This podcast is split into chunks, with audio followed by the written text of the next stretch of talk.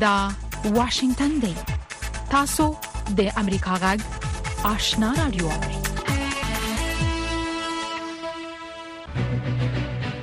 قدرمن اوریدونکو السلام علیکم زه شافیا سردار یم دا د امریکا جغ آشنا رادیو خبرونه پیل شوه لومړی به خبرونه واوري السلام علیکم درنو اوریدونکو ستړي مشئ زه زیبا خادمی یم دا د امریکا جغ آشنا رادیو خبرونه ده د نړۍ د دې ساعت خبرونو ته ساسې پام را اړوم د طالبانو د حکومت د ریاست الوزرا د سیاسي چارو مرستیال مولوي عبدالکبیر د یوناما د رئیس روزا اوتنبایووا سره په کتنه کې یو ځل بیا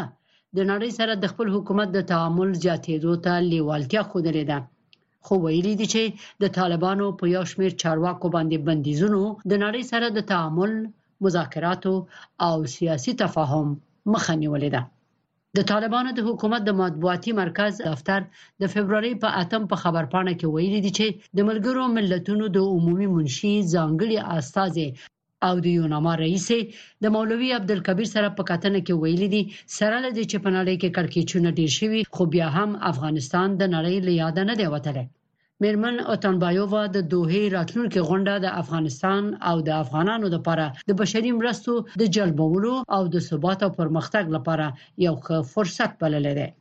مولوي عبدالکبیر ویلي چې حکومت د نړۍ سره د متقابل احترام پرانا کې مثبت تعامل غواړي او یوناما په دې برخه کې مهم رول ادا کولای شي ټاکل شوې ده چې د فبرवरी په 13 او 19 د قطر په پایتخت دوحه کې د افغانستان د وضعیت د ارزیابۍ په حق له د ملګرو ملتونو د عمومي منشي انټونیو ګوتيريش په کوربتوب دویمه مشورتي غونډه جوړه شي د افغانستان د بیا رغونې لپاره د امریکا د متحده ایالاتو د سرمفتش دفتر سیګار ویلي دي چې د اقتصادي فشارونو د زیاتېدو لامل په دې ملک کې د افغان جنکو جبري ودونو او په کوچنیتوب کې د جنکو ودونه زیات شوي دي سیګار د ملګرو ملتونو د یو راپور په اساس ویلي دي چې په افغانستان کې خزي او جنکۍ په کوچنیتوب کې د ودونو کورنی تشدد استثمار او جسمي سوء استفادې سره مخ دي د سیګار راپورټ وایي چې د ملګرو ملتونو د خزو د ادارې د اټکل لمخې 13.1% جنکۍ د 13 کلنۍ نه مخکې او 9% د 15 کلنۍ نه مخکې واده شوې دي د ملګرو ملتونو د وګړو ادارې یا یو ان اف پی ویلي دي چې د افغانستان په لور پرتو سیمو کې اکثره خزي د زیګون په مهال مري او یا هم د امیدوارۍ د اختلالاتو لامل ټول عمر د ستونزو سره مخ کیږي دغې ادارې د فبرورۍ په اتمه ویلي دي چې د افغانستان په لرې پرتو سیمو کې ډېرو ښځو ته دارو درمل او نور صحي اسانتیاوې نه ورسیږي په ځینو ځایونو کې د صحي کلینیکونو نشټواله د صحي کلینیکونو لريواله د زنانه ډاکټرانو نشټواله او دغه سه نور ډېر ستونزې د دې سبب شوې دي چې ډېر مېرمنې په ولادت ومري او وروسته ورته نور صحي مشکلات پیدا شي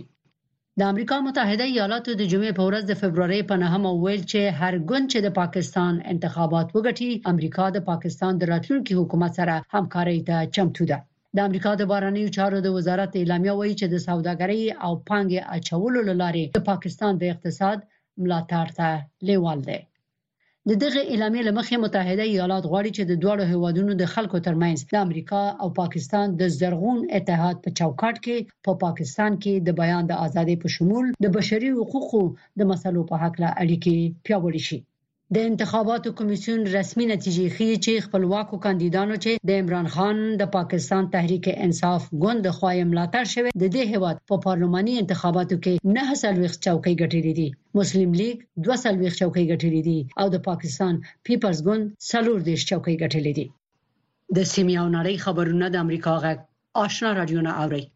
د پاکستان د پرونیو عمومي انتخاباتو د لومړنیو نتایجو له مخې د پاکستان د پخواني زنداني صدراعظم عمران خان پلویان د نورو نه مخکې دي.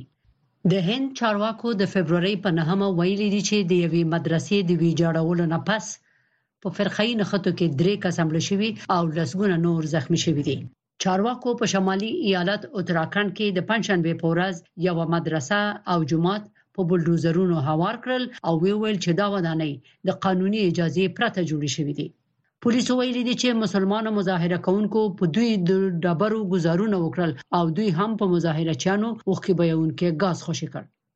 د اتراکند د هلدواني سیمې د پولیسو ویان خارجي خبريالانو ته ویلي دي چې په دې نښتو کې درې کسه وژل شوي دي په هند کې په 2014 کال کې د صدر اعظم نریندرا مودي د واکمن کېدو رئیس په دې ملک کې د مسلمانانو د عبادت ځایونو خلاف د ملت پالو هندوانو خوځښت پیاوړی شوی دی او لدې کبله 210 میلیونه اقلیت مسلمانان په هند کې خپل راتلونکي ته اندېښمن دي د نړۍ خبرونه په واشنگټن کې د امریکا غږ د استودیو نه اوري په عراق کې د امریکا په هوایي برید کې د ایران د ملاتړ لرونکو ملیشو د یو لوړ رتبه قومندان له وژل کېدو نه وروسته واشنگټن د دغه برید دفاع کړې او خبرداري ورکړې ده چې که په قواو باندې بیا برید وشي همدغه نور اقدامات به هم وکړي دغه برید د عراقي چارواکو قهر راپارولی دی او یو ځل بیا یې ویلي دي چې امریکایي عسکر دې له عراق نه ووځي. د سپینې ماڼۍ د ملي امنیت د شورا ویاند جان کربي د فبرورۍ په اتمه خبریالانو ته وویل، موږ د عراق ملي حاکمیت ته پوره درناوی لرو، خو که زموږ په عسکرو چې د عراق د حکومت په بلنه هلته مېشت دي، بریدونه نه وای شوي، هېڅ ډول انتقامي برید ته اړتیا نه لیدل کېده.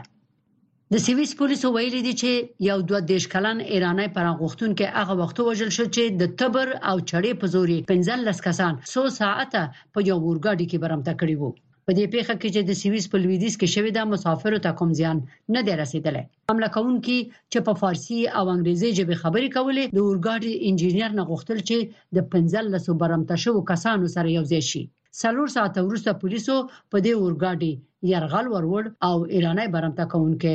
ووژل شو د اوکراین د هوایي دفاع قوې د روسیې د 14 بي پیلوټه الوتکو د جملې نه لس الوتکې غورځولې دي د اوکراین هوایي قوې ویلي دي چې دغه الوتکې سهار په درې سیمو کې میکولایف، خرسون او خارکیف کې غورځول شوې دي د خارکیف والي په تلګرام کې لیکلي دي چې په دې ښار کې یو کس ژوبل شوی دی او یو ملکي ځای ته زیان رسیدلی دی. روسیې د جنوري په میاشت کې په اوکراین باندې خپل حملو ته زور ورکړی دی او لسګونه کسان په دغو حملو کې تلف شوي دي. او د اوکراین جمهور رئیس الکساندر سیلیسکی د پوز لوی دریستیز ټاکلی دی. زلنسکي مخکې ویلي و چې د اوکراین د وسلوالو قواو په مشرتابه د غور وخت رسیدلی دی اته پنځوس کلن سریسکي چې په روسیا کې زیږیدلی دی د 2019 کال راهیسې د اوکراین د ځمکنیو قواو قومندان و زیبا خادم امریکا غږ واشنگتن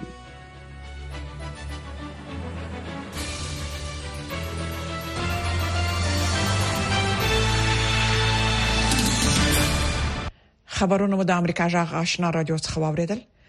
قدرمن اوریدونکو زموږ په دې سهارنۍ پښتو خبرونه کې د افغانستان سیمه او نړۍ د اوسنوي حالات په اړه کې مهم مطالب لرو هله د چ خبرونه تر پای واوري قدرمن اوریدونکو په داسې حال کې چې ملګرو ملتونو په افغانستان کې د داعش خراسان او القاعده ډلې په ګډون د تروریستي ګروپونو د زیاتیدو فعالیتونو په اړه اندیښنې څرګندې کړې ځینو امریکایي چارواکو د داعش ډلې د ځپلو په برخه کې د طالبانو پر ژمنو باور ښودلی دی پښتنه دا ده چې امریکا پر طالبانو تر کومه بریده باور کولای شي زموږ همکاري نظرانه یوسفزۍ د نړیوالو چارو د شنونکو سره د مرکو په بنسټ د موضوع ته کتنه کړې ده د ملګرو ملتونو د امنیت شورا په یو تازه راپور کې ویل شوی چې په القاعده او داعش سربېره غني ټیررست ډلې په افغانستان کې فعال دي دا دوه کاله پس له هغه دا چې امریکا له طالبانو سره د دوه په تړون کې دا منلې ده چې د افغانستان نه بنړی او امریکا ته ګواښ پیښ نشي Well, the United States د امریکا تګلاره همغه ډول ده، القاعده ورسره تړلې ډلې لکه داعش خراسان او دغه ډول نورې ترهګرې ډلې د طالبانو مسئله ده چې هغوی ورسره باید معامله وکړي. پر همدغه د دوه موافقه شوې ده، خو بیا که بیا هم دغه ډلو امریکا ته او یا سیمې ته ګواښ پیښ کړ، نو امریکا به هوایي عملیات وکړي. هر څو چې طالبانو د داعش په ضد د ځینو عملیاتو خبرونه وخت نا وخت ورکړي دي د چارو کارپوهان په دې اړه شکونه څرګندوي ځکه هغوی وایي چې طالبان د نورو وسلوالو ډلو سره ایډیولوژیکه اړیکه لري لدې کبله چې داعش یو نړیوال ترهګریز ګواښ ګڼل کیږي ځنې دا استدلال کوي چې باید د طالبانو القاعده او د تحریک طالبان سره اړیکو ته دومره پام ونه کړای شي ځکه باید لومړیتوب دا وي چې د طالبانو سره د داعش په ځپلو کې مرسته وشي خو زه دا فکر نه کوم پر طالبانو د داعش د لمنځوړلو لپاره باور کول به د ناروغۍ نه بده درملنه وي او دوی د ترهګرۍ ضد متحدین ګڼل به یو ډیره غلطه پالیسی وي شنونکي په ځانګړي ډول د میرمنو د حقوقو ملاتړي د طالبانو په ژمنو باور ګران بولي د بشري حقوقو د سار سازمان د میرمنو د برخې مرستيال حیدربار وای دا ډیره د حیرت وړ ده چې طالبانو ته د ترګرۍ ضد د متحد په توګه وکتل شي مونږ خبر یو چې طالبانو څومره په بشرمۍ د میرمنو د حقوقو په اړه دروغ وایي په دوه کې دوی ویل چې جنبه خونځیو ته زی میرمنې به کارونه کوي د واک نیولو نه وروسته یې دغه دروغ بیا تکرار کړل یوازې یو ورځ وروسته یې خپل ژمنه ماته کړه دا یو بیلګه ده چې طالبان خپل وعده ته څومره ژمن دي او که امریکا دا فکر کوي چې طالبان به د ترهګرۍ سره د مبارزې د ژمن سره د میرمنو د حقوقو په اړه د ژمن نه بیل چلند کوي نو په تمه دی ووسی طالبان ادعا کوي چې امنیت ټینګ کړي خو د میرمنو په مسله کې بیا وایي چې امنیت ټینګ کړي نو د جنوب د کړو ته بل راو واره شي څنګه چې دوه نیم کال وشول تر اوسه د جنوب د حکومت هیڅ هل نه ښکاری هم دغه ډول نړیوال هل لري د ترګرو د زپلو په اړه باید طالبان یوازې خبرې نه عمل وکړي د امریکا د دفاع وزارت ویاند څو ورځې مخکې وویل چې امریکا پر خبرو نه پر عمل قضاوت کوي خبرې به یې واوري خو کړنې به یې وڅاري طالبان دا تورونه ردوي چې هغه ترګر ډلو ته پناځایونه ورکوي او وایي چې افغانستان به سیمه او نړۍ د ګواښ پیښ نشي نظرانه یوسف سي امریکا غږ واشنگټن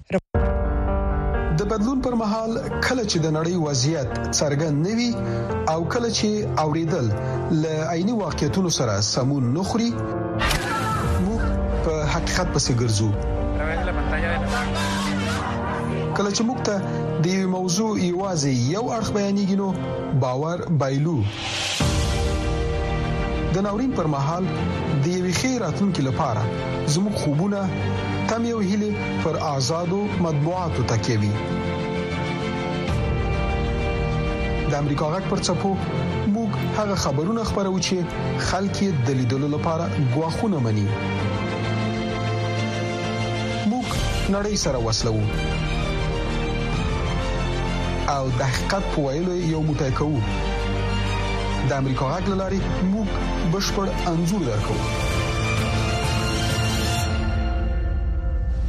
رپورټونو ته دوام ورکوه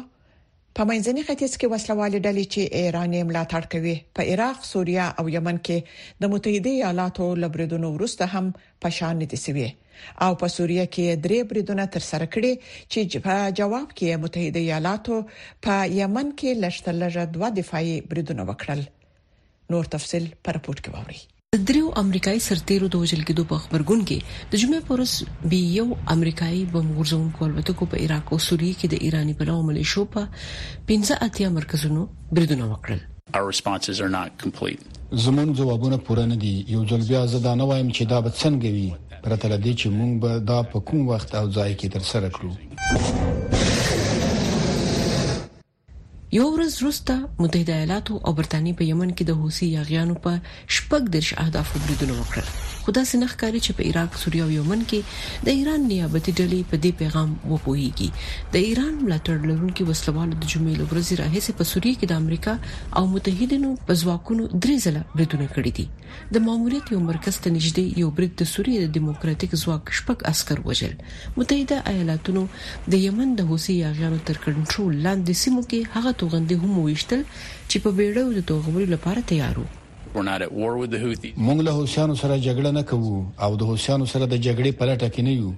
خو که دوی بریدونو ته دوام ورکړي، موږ به د دوی وړتیاوې ګډوډې او کمزورې کړو. د ایران د نیابتي ډلو د بریدونو د زیاتېدو سربېره، امریکا اوس د عراقي چارواکو د سختو نیوکو سره هم مخ ده. دوی وايي چې د بریدونو خبر ورته نه و ورکړل شوی او وايي چې دې بریدونو ملکي وګړي هم وژلي دي. عراق لکه د سیمې د هر هېواد په څېر پوهېده چې زموږ د سرتېرو له وژل کېدو وروسته به موږ ځواب ورکوو. دوی ته د جمعې د ورځې د دې ځانګړي ځواب د مخه خبرتیا نه وه ورکړل شوې، خو موږ ورته له بریدونو وروسته سمدستي خبر ورکړ. پنټاګون وايي چې لا هم د خپلو پوځي بریدونو د تلفاتو ارزونه کوي. امریکايي ځواکونو تر اوسه پورې د اکتوبر د میاشتې راهیسې په عراق، سوریه او اردن کې شاوخوا یو سل او اویا بریدونه کړي دي. په عین حال کې په یمن کې حوثي یاغیانو په سره سمندر کې او د عدن په خلیج کې په نړیوالو بیړیو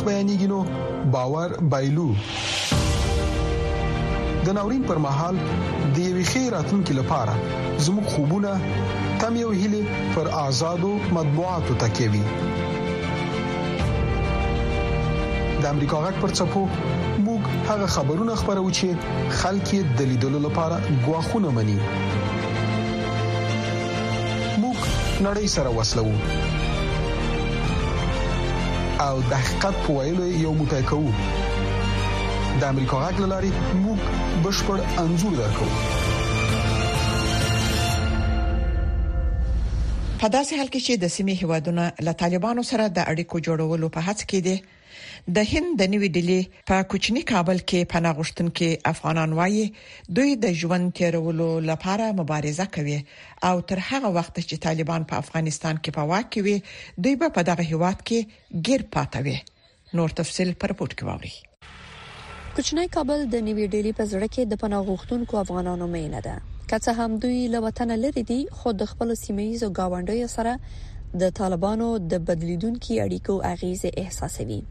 ورسته له هغه چې د افغانستان د قونسلګری چاري طالبانو ته وسپارل شوې دوی مجبور دي چې د خپل پاسپورت د نیوی کولو لپاره ورته مراجعه وکړي چېرته کې د پاسپورت نه باشه دیگه سند نه داره دیگه پاسپورت انی با چیزی نه مشکلات زیاد میشه خب پاسپورت نباشه اول خو پلیس چیزت میکنه دیپورتت میکنه اگه تو پاسپورت نداری دلته افغانان وایي چې طالبان د سفارت نیولو وروسته د قونسلګرۍ د خدماتو څخه زیاتې پیسې ترلاسه کوي هند یوازنی هیواد نه دی چې د طالبانو د رسمیت پیژندلو پرته یې طالب دیپلوماټان منلي تازه د چین حکومت په بیجینګ کې د طالبانو د استازي باورلیک ومانه په ورته وخت کې د کڑکېچ د نړیوالې ډلې یو نوی راپور ښیي چې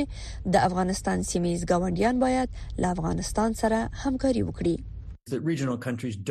په سیمه کې هیوادونه د جلا کېدو اختیار نه لري هر څه چې په افغانستان کې پیښیږي د امنیتي او سوداګرۍ له اړخه پر دوی ژور اغیزه کوي نو دا اړینه ده چې سیمه له طالبانو سره همکاري وکړي د خزو او بشري حقوقو تر پخو لاندې کولو لامل پر طالبانو د لویدیزي هیوادونو بندیزونه پر ځای پاتې دي او افغانستان لا هم له نړیوال بانکي سیستم څخه بهر دی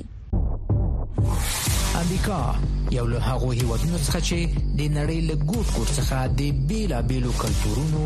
دودونو، ملیتونو او ارزښتونو کوربه دی. په امریکا کې ژوند او دلته مهاجرت کول لکه د نورو هیوادونو په څیر خپلې ښېګڼې او سختۍ لري ځینې خلک په خپلو هڅو او له فرصتونو نه په ګټې اخیستو خپلو هیلو ته رسیږي خو ځینې نور بیا له ستونزو سره مخ کیږي ژوند په امریکا کې هر جمعه د افغانستان په وخت د مازیګر له شپږو نه تر شپږ نیمو بجو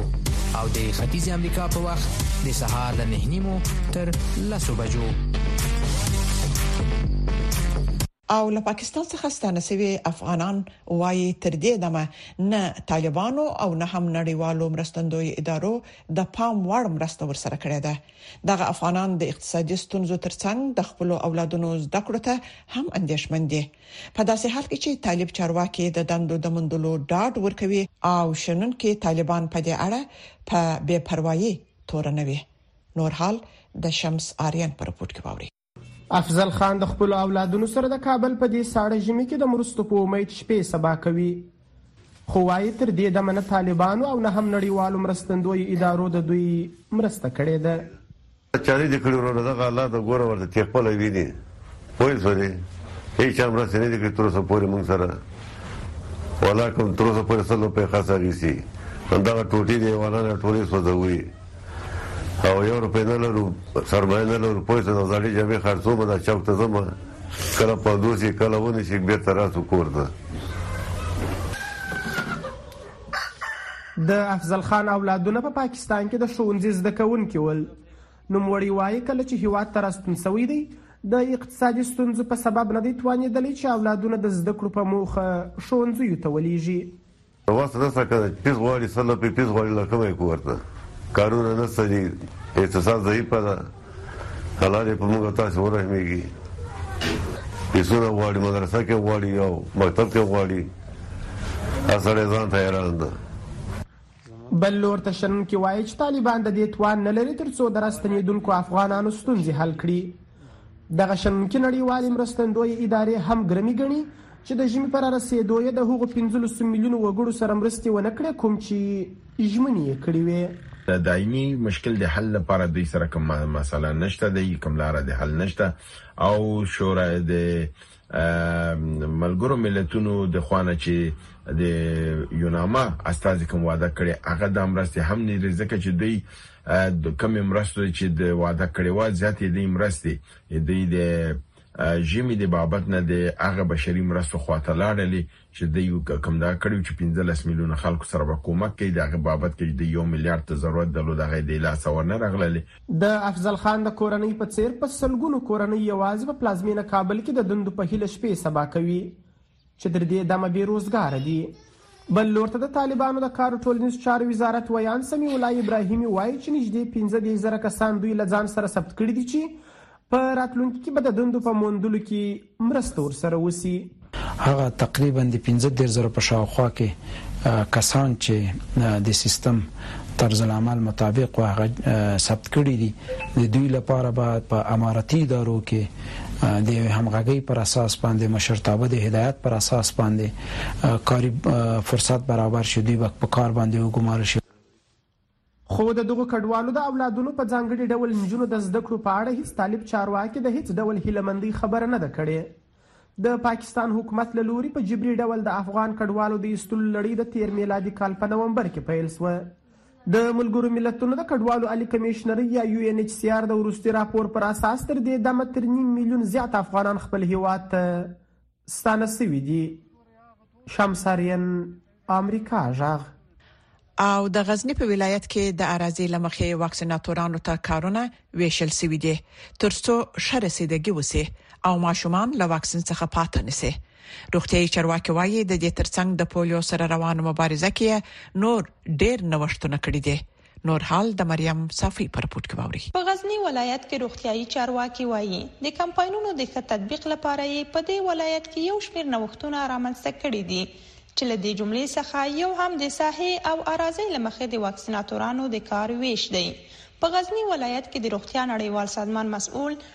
ډاکټر فضل احمد حنیف له امریکا غږ سره د دې نوښتونو د رامنځته کېدو په اړه وویل چې په تېرو کمپاینونو کې به دوی هرې ساحې ته په مساویانه ډول واکسین، واکسیناتوران، کواردیناتوران او سوپروایزران درلودل بغیر له دې چې د ساحې اراضي یا ستونزې په نظر کې ونیول شي خو د نوي پلان په اساس فعلا دوی هغو ساحو ته چې هلته د اراضۍ له لحاظه د واکسین تطبیق سخت دی دوی د هغې سیمې رضاکاران ته کم کار ورکوي او هرې سیمې ته د کار په اساس واکسیناتوران او واکسین استوي. مړ دا مساویانه تقسیمات وکړو له سره هم بعضې جای سي پرتن په یو ټیم باندې کار زیات وو هغه هم کم کړو او بعضې سي کم وو د هغو ته هم ساحه ور زیاته کړه او اراضیم په نظر کې وینو له کومې اراضي سختې وي هغو ته هم کم تعداد ماشومانو تعداد ورکو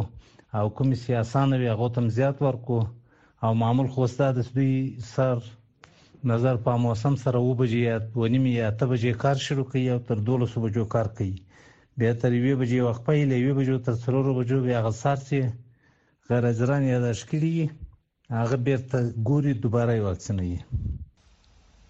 له بلې خوا ډاکټر ګلولي ولیزی او مطیع الله ساحل چې کلونه کېږي په غزني ولایت کې د پولیو واکسین برخه کې کار کوي، له امریکا غږ سره په خبرو کې د نوي نوښتونو د رامنځته کېدو په اړه خوښي څرګندوي او وايي، چې د هرې سیمې او ساحې لپاره د ضرورت په اساس ځانګړي ټیمونه ایجاد شوي، چې په اساس یې هر ماشوم ته هر چیرې واکسین رسیږي او د کورنیو لاسرسی هم واکسین ته اسانه شوی. هر ماشوم ته موږ واکسین رسوو هر چیرې چې وي، که په کور کې وي، که په اډیو کې وي، که په هر چیرې چې وي. د اډیو لپاره موږ ځان ته رضاکاران لرو او د سیار ټیمو لپاره ځان ته لرو، کورو لپاره ځان ته لرو او کورنۍ زیات خوشاله دي د موږ نه که هر چیرې دي ماشومان پاتې دی همکاري را سره کا پېنه زموږ ولایت کې د پولیو واکسین چې د هغه په ډېره ښه توګه سره تطبیق کېږي او په یاد واکسین کې زیات مثبت بدلونونه رامنځته شوي دي د هر ساحې لپاره د اړتیا ور رضاکاران سوپروزران او مانیټوران ټاکل شوي دي او نظر نورو کمپنیو ته اوس مهال چې د مانیټورانو له خوا څخه په خپل وخت او ښه توګه سره نظارت ترسره کېږي او د زیات واکسین څخه په زیاتو توګه سره د ماشومان نه مس کېږي او د هر ماشوم لپاره واکسین رسېږي د روغتیايي چارواکو په وینا، د دوی د هڅو او د کورنیو د همکارۍ په اساس اوس یاد ولایت کې د پولیو یا ګوزڼ ضد واکسین کمپاینونه په ډېر بریالیتوب سره ترسره کېږي، خو د چارواکو په وینا، لا هم عامه پوهاوي برخه کې دوی هڅې روانې ساتلي، ترڅو هغه کورنۍ چې لا هم واکسین د خپلو ماشومانو روغتیا ته تاوان رسوونکی ګڼي، په دې قانع کړي چې دا واکسین د دوی ماشومان له تلپاتې معلولیت څخه ژغوري. دی اوس به د امریکا جغ سرمقاله ووري چې د امریکا د حکومت رسمي نظر څرګندوي د اقتصادي ودی انرژي او چاپیریال لپاره د متحده ایالاتو د بهرنیو چارو د وزارت مرستيال هوزه فرناندس د هند او آرام سمندر په سیمه کې د متحده ایالاتو له دریو متحدینو او شریکانو سره د اقتصادي همکارۍ د ژورولو او د سیمې د اقتصاد د ثبات او استقامت په منظور د مذاکراتو لپاره په دې وروستیو کې ویتنام، فلیپین او جنوبي کوریا ته سفر وکړ. نوموړي د ویتنام، فلیپین او د کوریا د جمهوریت له حکومتي، کاروباري او اکاډمیکو مشرانو سره وکتل. مرستیال سیکرټر فرنانډیس د یوه مطبوعاتي کانفرانس په مهال د خپلو کتنو د نتیجو په اړه وویل چې په ویتنام کې مې د سوداګرۍ لپاره د فرصتونو په زیاتولو، پاکې انرژۍ په انتقالولو، سیمي کنډکټرونو او د اکمالاتو، د ځنځیري کړۍ په اړه همکارۍ او همدا شان تېر کال په سپټمبر کې ویتنام ته د جمهور رئیس بایډن د سفر په تعقیب له هغه هېواد سره زموږ په اقتصادي ملګرتوب فوکس وکړ. مرستیال سکرټر فرنانډس زیاته کړه چې له ویتنام سره د متحده ایالاتو کلنۍ سوداګرۍ کچه په بې سارې توګه لوړه شوې، یو سلو څلوېښت میلیارد ډالرو ته پورته شوې. نوموړي وویل چې متحده ایالات په دې خوښ دي چې د ویتنام د تېر کال له غوښتنې سره سم موږ د هغه هېواد اقتصادي مارکېټ په اړه څېړنه بشپړه کړې. هوزې فرنانډېس وویل چې په فلیپین کې موږ خپلو شریکانو ته د فلیپین د اقتصادي پیاوړتیا او د اکمالاتي ځنځیرونو د متنوع کولو په اړه زموږ د نه هېرېدونکي ملاتړ اطمینان ورکړ او هم مو پر خپلو پیاوړو سوداګریزو اړیکو او د پانګونې په فرصتونو چې همدا اوس مهال په ډېرو ساحو کې د پراخېدو په حال کې دي فوکس وکړ. د اقتصادي ودې، انرژۍ او چاپېریال لپاره د متحده ایالاتو د بهرنیو چارو د وزارت مرستیال سکرټر هوزې فرنانډس وویل چې موږ د کلیدي او بحراني منرالونو په اړه له فلیپیني چارواکو سره اوږده بحثونه درلودل. فلیپین له اندونیزیا وروسته په نړۍ کې د نکلو تر ټولو غټې زیرمې لري. دا موږ ته یو فرصت برابروي او هم د خپلو اکمالاتي ځنځیري کړیو د متنوع کولو لپاره زموږ له هلو ځلو سره سمون خوري. مرستیال سیکرټر د کوریا جمهوریت ته د خپل سفر په ترڅ کې د لوړې کچې اقتصادي ډیالوګ مشري وکړه. چې د هغه په باور زمونږ د دواړو هیوادونو ترمنځ د دوړخیزې سوداګرۍ او پانګونې پیاوړې اړیکې تمثیلوي نو موړي ویل چې مونږ زمونږ د سیمي کانټراکټرونو د جوړولو لپاره د منرالونو د کلیدي او بحراني اکمالاتي زنجیرونو انرژي امنیت پراختیا او د زیربناو په برخه کې د همکارۍ په اړه وغږیدلو او زه په دې ډېر خوښ یم چې له کوریا نه لیدنه کوم او غواړم چې وګورم د متحده ایالاتو د حکومت د انفلاسیون د کموالي قانون او د کمپیوټري چیپونو د صادرولو د کنټرول قانون دلته زمونږ د امریکایي شرکتونو څومره توجه راجلب کړي څومره پانګونه کوي او څرنګه کاروبارونه مخ په وړاندې بیایي مرستیال سکرټر فرنانډیز زیاته کړه چې خصوصي سکټر د اقتصادي پایښت او سوکالۍ په رامنځته کولو کې کلیدي اهمیت لري. دا یو داسې څه دي چې کم اهمیت یې باید ونه ګڼو او د اهمیت په اړه باید دا حقیقت په پام کې ونیسو چې په ډېرو نورو هېوادونو کې زموږ کمپنۍ د شراکت او اړیکو ساتلو پر بنسټ کاروبار کوي، مرسته ورسره کوي او په دې اړه مو علاقه او دلچسپي زیاتوي چې ملګرتوب ولري او ښه ګاونډیان اوسي. تاسو د امریکا د افسر مقاله واوریده چې د امریکا د حکومت رسمي نظر یې څرګند کړ. درنو ریدونکو زموږ د خبرونه په همدې ځای پای ته ورسیده د امریکا جغ آشنا را دوه خبرونه دوام لري ستاسو ټول څه مننه چې زموږ خبرونه اوري